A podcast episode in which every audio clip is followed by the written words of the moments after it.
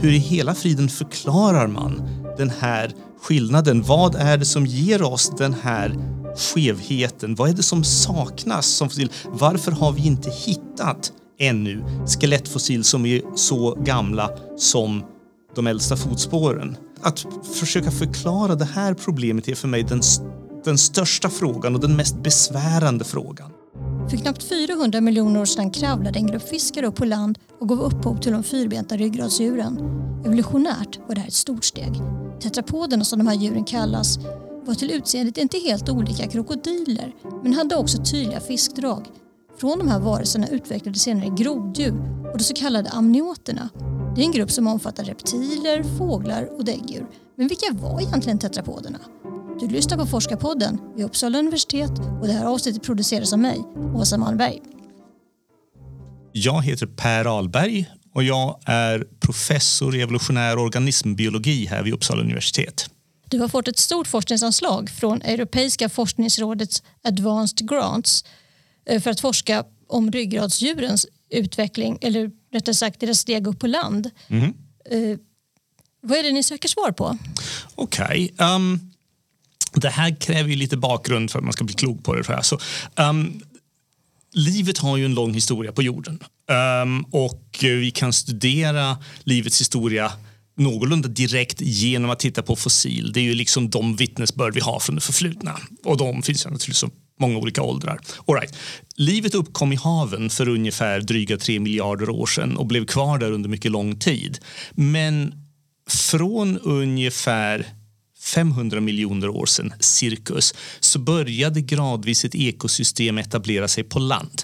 Um, landväxter började utvecklas från alger, uh, olika grupper av leddjur som liksom spindeldjur och, och, och tusenfotingar och så började ta sig upp på land. Och till slut uh, även ryggradsdjuren. En grupp av fiskar utvecklades, för alltså fiskar är ju då så att säga urformen för ryggradsdjur. Ryggradsdjuren uppkom i vattnet. Men en grupp fiskar tog sig upp på land och gav upphov till vad vi kan kalla tetrapoderna, alltså de fyrbenta landryggradsdjuren, den grupp som vi själva hör till. Och det är det som vi liksom skjuter in oss på. Det här var ett av de stora stegen i, i det globala ekosystemets evolution. Plötsligt har man då en helt ny typ av, av djur som sedan etablerar sig liksom runt hela planeten. Vi själva skulle ju inte finnas om det inte var för detta. Men även alla möjliga andra, liksom, vad som helst som liksom ekorrar till dinosaurier är ju liksom ättlingar till de här tidigaste landryggradsdjuren. Så det är ett intressant steg i livets historia. Vad är det ni vill veta mer om, om det här? Okej, okay. grejen är, jag ska säga förresten att det här verkar ha hänt cirkus sådär 390 till 400 miljoner år sedan kanske under början på vad vi kallar devonperioden. Um, något känt som fiskarnas tidsålder, men det var alltså inte bara fiskar det handlade om. All right. Um, om man bläddrar i populärlitteraturen är det väldigt lätt att få ett intryck av att det här är en story som vi liksom redan förstår oss på. Om man köper någon sån här bok, liksom min, min första dinosauriebok och så tittar man på det där första kapitlet innan man kommer till de stora liksom balla dinosaurierna mm. så ser man i stort sett alltid en bild av någon sorts fisk som halar sig upp på en strandbrink i någon sorts liksom så här träskmiljö. Och det är lätt att föreställa sig att, att vi alltså förstår oss på det här, uh, det här evolutionära skeendet. I själva verket har vi en väldigt väldigt begränsad bild av hur det gick till trots att aktiv forskning på just det här så att säga spetsen på det här området tetrapoder från devonperioden har pågått liksom typ 90 år ungefär och förut har varit någon av en svensk paradgren. Um, så är det fruktansvärt mycket som vi fortfarande inte förstår och det är, det är det som vi är ute efter. Vad är de största obesvarade frågorna hittills i, i det här? Ja, var ska man börja? Det, om man säger så här, det, det mest... Nej, låt, låt mig ta en lite annan vinkel. Um, det finns ju frågor som vi vill besvara där det handlar om att fylla i och komplettera en för övrigt skissartad bild. Och jag kommer tillbaka till det om ett ögonblick. Men det finns också förbryllande saker i de data som vi har som får en att undra vad som sjutton egentligen är på gång och vad det är vi saknar för information. Och av dessa är den största saken denna. Eh, vi har två typer av data om de här tidigaste tetrapoderna. Vi har skelett, det är liksom en uppenbar grej, men vi har också fossila fotspår. Fotspår fossiliseras ganska, ganska lätt. Det finns mycket från liksom senare tidsåldrar, fotspår av dinosaurier och, och vad man vill. Va? Men här handlar det alltså om de allra, allra tidigaste fotspåren av landryggradsdjur. Um, och vad vi finner är att de äldsta fotspåren är bra mycket äldre än de äldsta skelettfossilen vi hittills har hittat. Tittar man bara på, på, på skelettfossil så skulle man säga att mm, tetrapoderna uppkom för ungefär, ska vi kalla det 370 miljoner år sedan. Tar vi dit fotspåren så får vi plötsligt lägga 20 mil på det. Och det är en så stor skillnad att 20 miljoner år alltså. Yes. Så det finns, all, det, det, det, finns en liten kohort av forskare, framförallt några som kanske har bitit sig fast väldigt i vissa aspekter av, av, av det här med skelettfossilen, som helt enkelt vägrar tro att det är sant.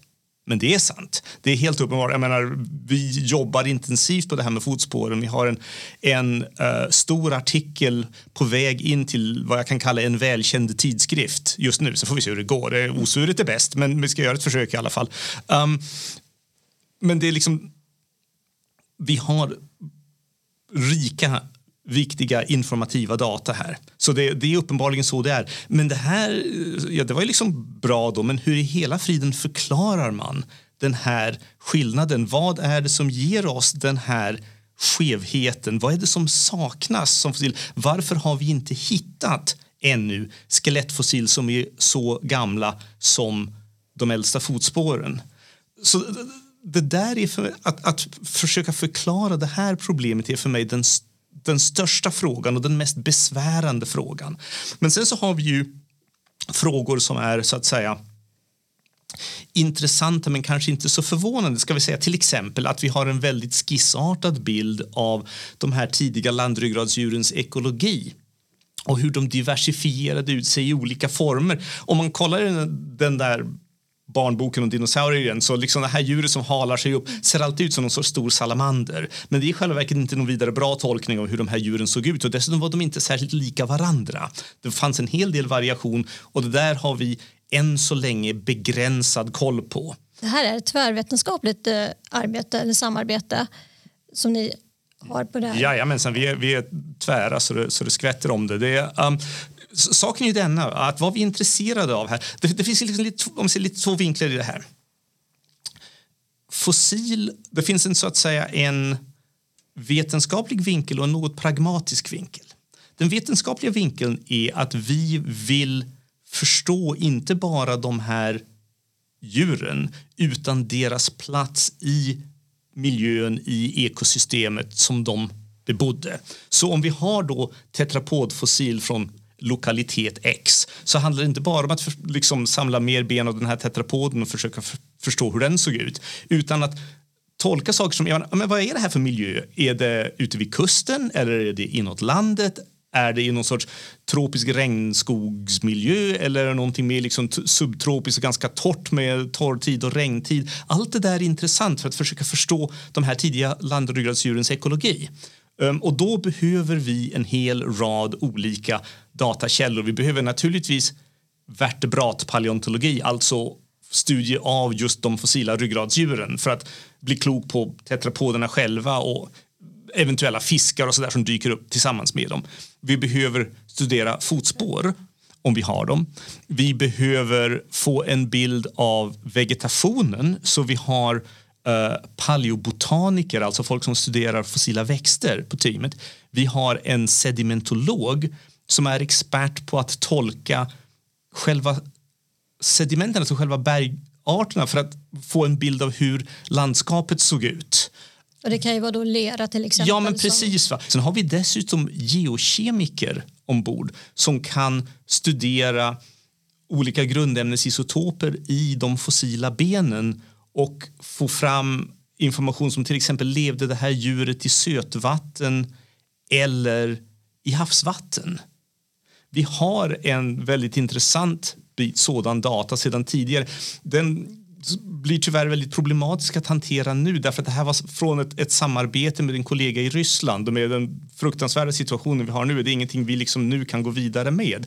Men jag kan ju ändå liksom bara flagga att det handlar om en miljö med fiskar som levde i en sjö precis ute vid kusten som någon sorts liksom lagun. Um, ehm, fiskar och även en tetrapod där vi finner att den geokemiska signaturen inte är densamma trots att de dog tillsammans. Fiskarna levde där tydligen hela tiden. Tetrapoden liksom kom och gick, ibland var den nere i havet. Och det där ser vi i isotoperna. Det är otroligt intressant och viktiga data. Just det där får väl läggas på hyllan nu till en förhoppningsvis lyckligare framtid. Men vi kan göra andra arbeten av det slaget um, med, med material från andra ställen. Kan du berätta lite om metoderna ni använder för att få fram fakta? På ett sätt kan man säga att ganska mycket av det här, eller i alla fall slutpunkten, låt oss uttrycka det så, är en egentligen väldigt traditionell observation. Ögat ser och hjärnan tänker. Det var inte mycket mer än så. Men vad som har blivit väldigt viktigt här tekniskt under senare år, det här kommer vi att använda väldigt mycket, är ny teknik för att komma dit. Så med skelettfossil till exempel, det är ju liksom en given grej att här har man då sitt liksom stenblock och i det där eh, sitter en skall eller någonting och man ser ungefär en fjärdedel av den där liksom titta fram. Hur ska man då få fram resten av informationen? Det traditionella har varit att, att liksom hugga bort stenen då med mejslar eller någonting sånt eller möjligen lösa upp den i syra. Och allt det där är ju ganska destruktivt och det tar tid och det är inte sagt att det blir bra.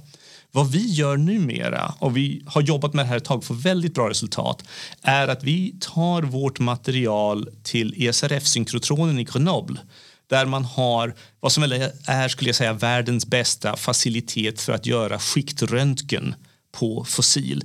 Det här ger fantastiskt högkvalitativa skiktröntgenscans. Det, det är som om man hade suttit och skivat exemplaret. Va? Man kan se varenda sandkorn i sedimentet. Eh, och det innebär att man kan alltså plocka fram hela den här anatomin som ligger där inuti, rekonstruera den på bildskärm i 3D, skriva ut om man vill i en 3D-skrivare, skicka kopior till alla sina kollegor över e-post och allt detta utan att göra någon som helst åverkan på själva fossilet. Och som en liten matchande grej till det här, när vi studerar fotspår det traditionella med fossila fotspår, det är ju förresten som ni kan tänka er en, en lite given grej att fossila fotspår ofta, ofta återfinns på stora bergytor som liksom typ sitter fast i marken. Så de är väldigt svåra att samla in och ta hem till museet. Um, så vad gör man då? Jo, traditionellt har man ofta lagt liksom plastfolie över dem eller något och går ritat av eller man har fotograferat och allt det där är okej. Okay. Men vad vi gör numera är att vi använder en optisk scanner för att liksom skanna av rubbet i tre dimensioner. Och det har två enorma fördelar. Först så får man ju då en helt tredimensionell bild. Och för det andra så är det så att visserligen så fångar en sån där scanner normalt även färg om man vill. Men vi, vad vi gör normalt när vi ska studera de här spåren är att vi dumpar färgen. För då har man plötsligt en helt enfärgad tredimensionell yta där ögat inte luras av några liksom färgfläckar eller några mystiska lavar eller någonting som liksom förstör effekten. Och det kan vara väldigt, väldigt lätt att lura sig på sånt. Utan här har vi alltså en jämngrå yta som man kan belysa precis som man vill i någon sorts här liksom virtuell studio miljö. Vilket då ger fantastiska möjligheter att se precis vad som är på gång. Subtila små karaktärsdrag som till exempel när tårna har släpat lite grann över leran från ett steg till nästa som man annars bara skulle missa. Så det är också en, en, väldigt värdefull teknik för att bli klok på det här. Trots att slutstadiet är helt enkelt att man sitter där och tittar på det hela och så tänker man ja, vad liknar det här? Va? Eller så kanske man liksom, blir lite mer matematisk och gör diverse mått och sådär och gör vad vi kallar en morfometrisk analys. Men, men, men, men liksom i grund och botten handlar det om att ögat ser och hjärnan tänker.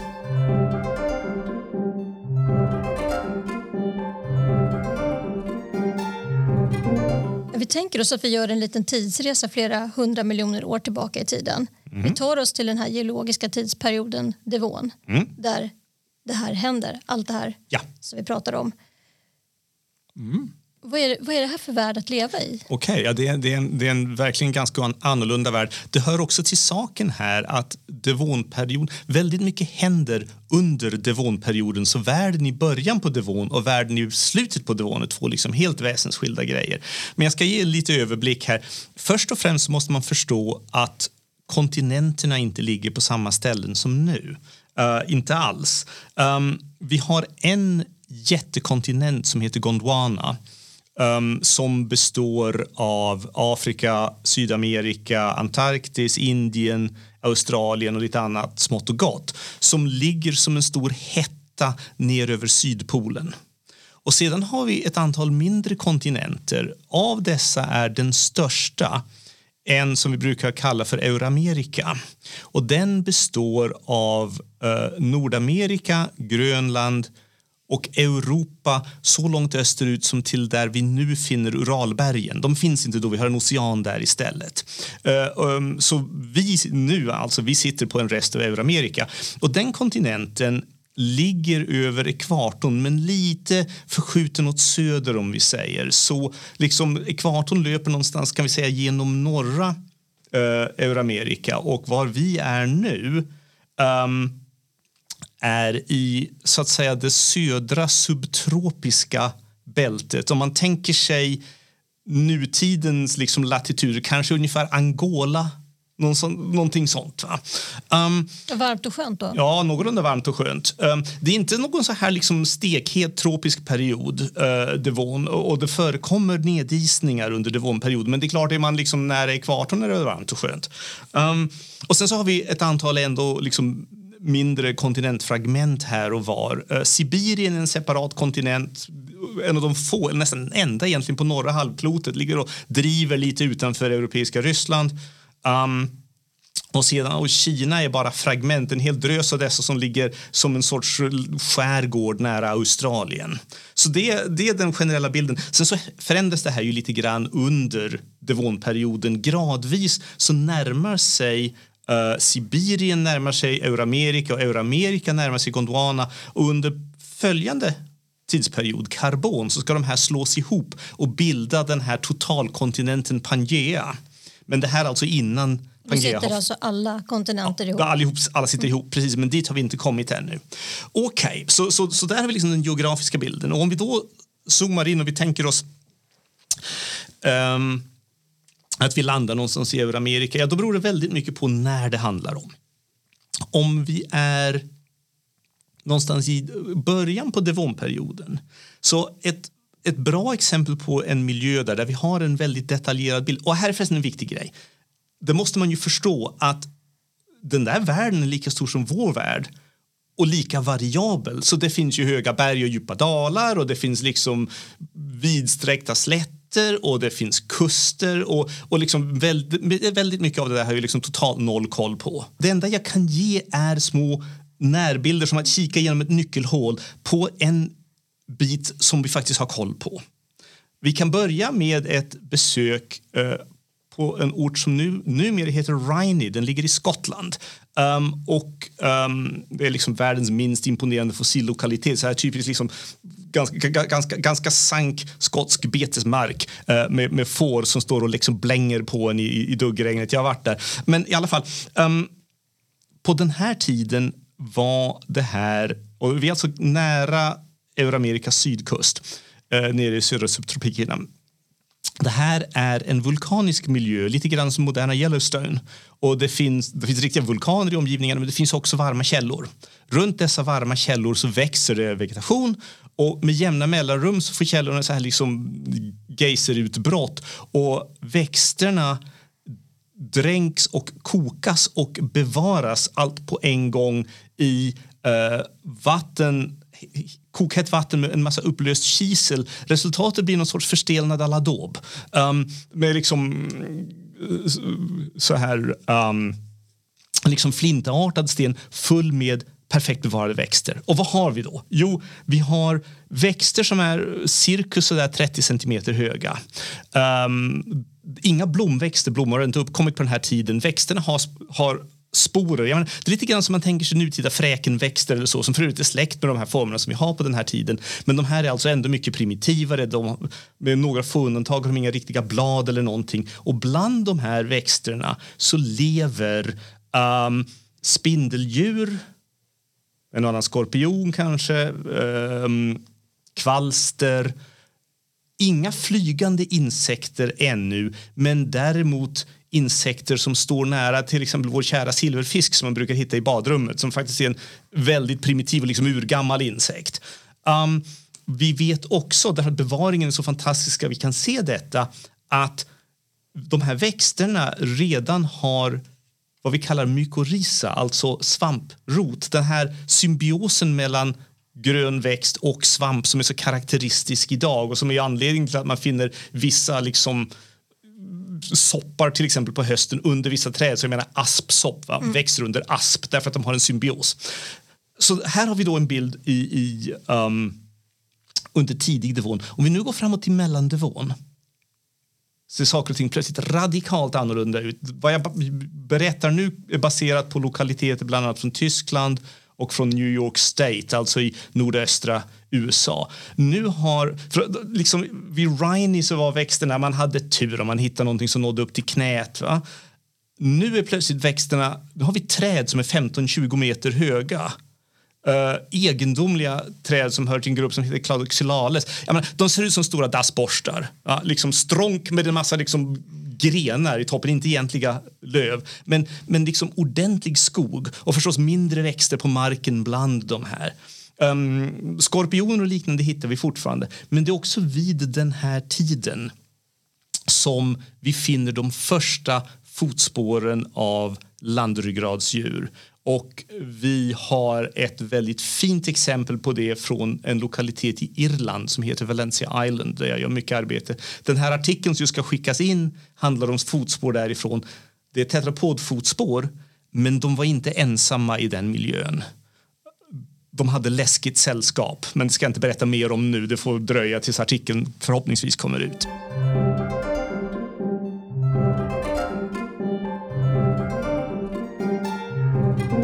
Men i alla fall, så alltså vid den tiden har alltså uppenbarligen de första landryggradsdjuren, tetrapoderna, uppkommit. Och om vi sen går fram till slutet av devonperioden, ja, då har vi fortfarande skogar. Träden är annorlunda nu, men Stora, mörka, liksom dystra skogar täcker stora, stora delar av världen. Framförallt ett träd som heter Archaeopteris. Ej att förväxla med urfågeln Archaeopteryx. Men i alla fall. Um, Archaeopteris betyder urormbunken, men det var inte någon ormbunke. Det är ett stort... Liksom, tänk, tänk ett barrträd som någon sorts liksom stor gran men med mer liksom ormbunksliknande löv istället för barr. Rimlig beskrivning. Och liksom enorma skogar och detta täcker stora delar av världen.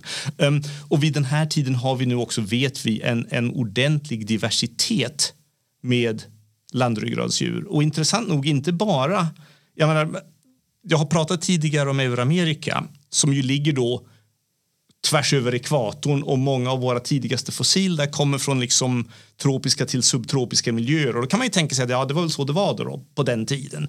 Men precis i slutet på Devon har vi också en lokalitet från Sydafrika, eh, ett ställe som heter Waterloo Farm, precis i utkant på Grahamstown. Um, i Eastern Cape. Det är så här, den hittades bara därför att en väg behövde breddas. En så här underbar liten grej. Där har vi två olika sorters tetrapoder i en miljö som ligger mycket, mycket långt söderut, mycket längre söderut än idag, innanför den antarktiska polcirkeln men ändå med liksom vegetation. Det är uppenbarligen under, under, en ganska mild period, lite grann som vi har nu, inte någon sorts istid. Va? Jag menar, det är precis som liksom, eh, man kan ju åka upp till liksom Kalix eller någonstans idag som är väl ungefär på en liksom motsvarande breddgrad fast i norr. Och, och, och vi har ju skog och träd och sådär. Men det måste ha varit mörkt kanske en eller två månader åtminstone under vinterhalvåret och säkert snö och liksom, jag skulle säga norrsken men sydsken givetvis eh, över de här tysta nejderna och tidiga tetrapoder som har tagit sig ända dit. Så vi är nog vid det laget globala i vår utbredning. Men hur klarade sig tetrapoderna i detta klimat? För de hade väl inte päls precis, nej, nej, eller absolut, nej. skinn heller? Nej, nej, det här var säkert kallblodiga djur. Um, jag har ju inte sagt någonting egentligen om hur de här djuren ser ut förresten. Det kanske mm. vore värt att göra. Tänk er, jag menar, nu finns det en hel del variation och somliga stora och somliga små, men, men liksom normal sådär liksom lagom tetrapod godkänd av Socialstyrelsen eller något. Det liksom, skulle väl vara kanske en meter lång ungefär och se ut som någon sorts liksom, myskokorsning mellan en fisk och en krokodil. Um, liksom lite krokodilformad men fortfarande med en riktig stjärtfena och fortfarande med gälar inuti huvudet. Uh, framben och bakben istället för bröstfenor och bukfenor. Möjligen med fler än fem tår per fot. Vi har åtminstone ett exempel från, från Devon, en form som heter acantostega, där vi har åtta tår på både framfot och bakfot. Men de hade fenor från början? Eller? De hade haft fenor från början. Deras förfäder var ju fiskare och hade fenor. Ja. Um, men vid det här laget så har fenorna omvandlats till framben och bakben. Hur går de från början tror man om man jämför senare under ja, det där, utvecklingen? Det där är en intressant grej. Igen, nu ska jag inte säga för mycket här eftersom det riskerar att jag skopar mitt eget arbete. Men vad, om man säger så här vi vet ju hur liksom djur som ödlor och salamandrar och liknande rör sig idag. Um, och man skulle ju kunna tänka sig att de allra tidigaste tetrapoderna var nog inte så bra på det här med att gå utan bara kanske liksom vältrade sig och klafsade fram på någon sorts patetiskt maner. Men våra fotspår från Valencia Island tyder på att det är inte fallet. De verkar vara väldigt kompetenta på land och påminna mycket mer om senare landryggradsdjur än man kanske skulle ha väntat sig. Så någon sorts liksom något salamanderlik promenadstil går tillbaks väldigt långt hos tetrapoderna verkar det. Hur väl anpassade var de för ett liv på land? Lite svårt att säga, uh, för det behöver man ju liksom skeletten. Men problemet är att vi har om, så här, va? fossil tenderar att bevaras lättare i vattenmiljöer än på land. Det finns undantag, men det är liksom en typisk man tänker en, en flod, var det, liksom, det, det, det avlagras slam och lera på botten och så det är väldigt lätt för fossil att bevaras. Um, jämfört med om man verkligen liksom uppe, uppe på torra land. Resultatet är att vi har anledning att misstänka att de skelettfossil vi har av tidiga tetrapoder, både från Devon och lite senare, att de mer vattenanpassade är kanske lite överrepresenterade därför att de fossiliseras väldigt lätt. Um, för de flesta som vi har, som vi har en bra bild av... Eller ja, nej, låt mig jag det lite. Vi, vi, vi tar oss nu till Grönlands östkust där det finns fantastiskt rika av, avlagringar från slutet av Devon. Jag ska förresten dit igen i sommar om allt går vägen. Um, och det var där de allra första fossilen av devontetrapoder hittades. Och det, trots att vi nu har mycket mer från olika delar av världen är det här fortfarande bland de bästa. Vi får den mest kompletta bilden av skeletten. Och där har vi då framförallt två olika släkten som är nu väl studerade. Ictiostega, den klassiska fyrbenta fisken, och Acanthostega. Och där kan vi säga att ja, de är båda något mindre än en meter långa och har det här lite subkrokodilaktiga stuket med fiskdetaljer. Men Acanthostega är uppenbart vattenanpassad. Extremiteterna är ganska små. Stjärtfenan är väldigt stor. Riktig fiskstjärtfena med fenstrålar fortfarande. Um, den har välutvecklade gälar inne i, i huvudet. Eh, och välutvecklade sidolinjekanaler, alltså de här sinnesorganen som känner av vibrationer i vattnet, precis som hos en liksom abborre eller något. Ichthyostega ser betydligt mer landanpassad ut. Extremiteterna är större, stjärtfenan är mycket mindre, hela djuret verkar betydligt mer liksom robust. Um, det är ju svårt att göra verkligt detaljerade tolkningar av dem men att de här två djuren gjorde olika saker är helt uppenbart. Det ser man ju liksom bara på en gång på dem. Um, och det är intressant eftersom de faktiskt levde samtidigt i samma landskap så vi har en början här på en ekologisk diversifiering. Men här ska ändå sägas att även Ictiostega har fortfarande en liten stjärtfena och den har fortfarande eh, uh, sidolinjekanaler på huvudet så den måste ha tillbringat ganska mycket tid i vattnet. Man, jag, jag, skulle gissa åtminstone flera timmar om dagen. Men kanske inte hela tiden medan Acantostega mer ser ut som någonting som knappast överhuvudtaget går upp på land. De här allra tidigaste tetrapoderna jag pratar om det är alltså den gemensamma stamgruppen för amfibierna å ena sidan och amnioterna å den andra sidan. Och Amfibierna och amnioterna verkar ha uppkommit i början på nästa period, karbonperioden. Men om jag pratar om liksom, säg Ictiostega och Cantostega så hör de alltså till det gemensamma ursprunget för både amfibier och amnioter.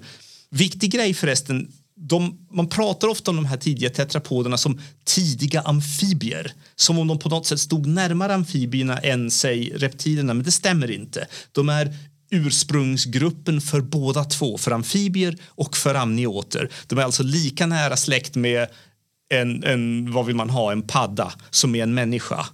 Vad åt de? Ja, det där är en intressant fråga. Um, om vi ser på... Jag menar, man har ju två möjligheter här. De kan jaga föda i vattnet, de kan jaga föda potentiellt på land. Vad vi vet finns på land vid den här tiden är olika leddjur av olika storlekar. Det finns tusenfotingar, olika modeller. Det finns skorpioner, det finns liksom protospindlar av olika slag. Lite, lite så här grejer. Um, lite grann den sorts fauna som man hittar i, i komposthögen, men, men ofta bra mycket större. Um, så, sånt finns uppe på land och i vattnet finns förstås gott om fisk av olika slag. När vi tittar på tänderna på de tetrapoder vi har så har de ofta eh, tänder som ser ut att vara anpassade för att fånga fisk. Men även där ser man variation. Ictiostega och akantostega har till exempel ganska olika tänder. Hos, hos akantostega är de liksom koniska Hos ichthyostega är de knivformade med vassa kanter och bakåtböjda. Så de här djuren gör inte riktigt samma grej. Um, vi har än så länge väldigt lite evidens för precis vad de tog för byte. Jag tror det enda exempel vi faktiskt har är eh, ett exemplar av Acantostega där ett par fentaggar från någon sorts liten haj har fastnat mellan två tandrader i en underkäke. Uppenbarligen därför att Akantostegan åt upp, eller i alla fall försökte äta upp, den här lilla hajen. Men det, det är än så länge det enda direkta evidens vi har.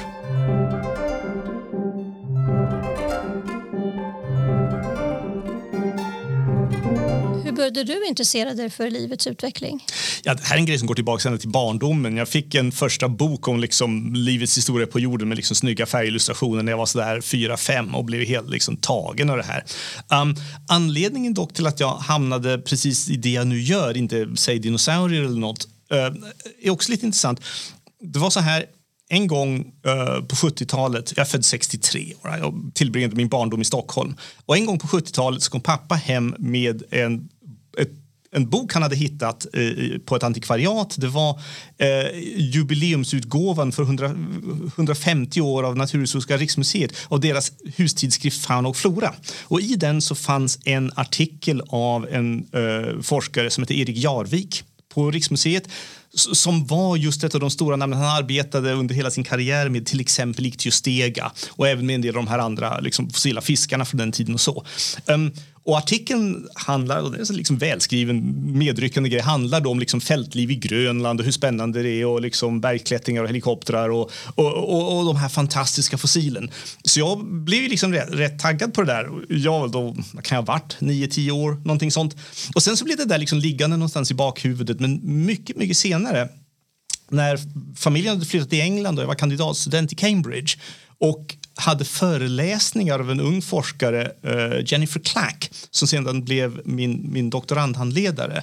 Um, så fick jag veta att hon var alltså en paleontolog som forskade på just det här med tidiga landryggradsdjur. Och det, liksom, det här kopplade ju upp och jag tyckte att det här var intressant. Och liksom kom i samspråk med henne och sen så gjorde jag liksom kandidatprojekt under henne och sen så blev det ett doktorandprojekt. Och det hela har rullat vidare därifrån och, och, och fram till nu. Hur kom du till Uppsala? Jo, så här var det. Eh, jag hade väl börjat känna när liksom medelålderns kranka blekhet närmade sig att det vore inte fel ändå att återvända till Sverige. Eh, jag, hade, jag studerade alltså i Cambridge, var sedan postdoc i Oxford ett antal år och arbetade sedan vid det brittiska nationella naturhistoriska museet, The Natural History Museum i, i London. Um, men uh, höll ett öga på uh, möjliga öppningar här i Sverige och 2003 så lyckades jag knipa en då nyskapad professur i evolutionär organismbiologi som placerades här vid, vid uh, EBC. Um, så jag återvände hem efter 26 år och har varit här i Uppsala då sedan 2003. Vad är det som är så fantastiskt med den här forskarmiljön? Ja, om man säger så här. Um, vad som blev... Jag menar, nu känns det fint att komma tillbaka till Sverige igen, men det var inte bara det. Um, miljön jag lämnade på The Natural History Museum var verkligen ganska toppstyrd och det var svårt att egentligen skapa egna strukturer. Här fick jag möjligheten att bygga upp en forskarmiljö med liksom ett, ett, ett redan från början tvärvetenskapligt perspektiv.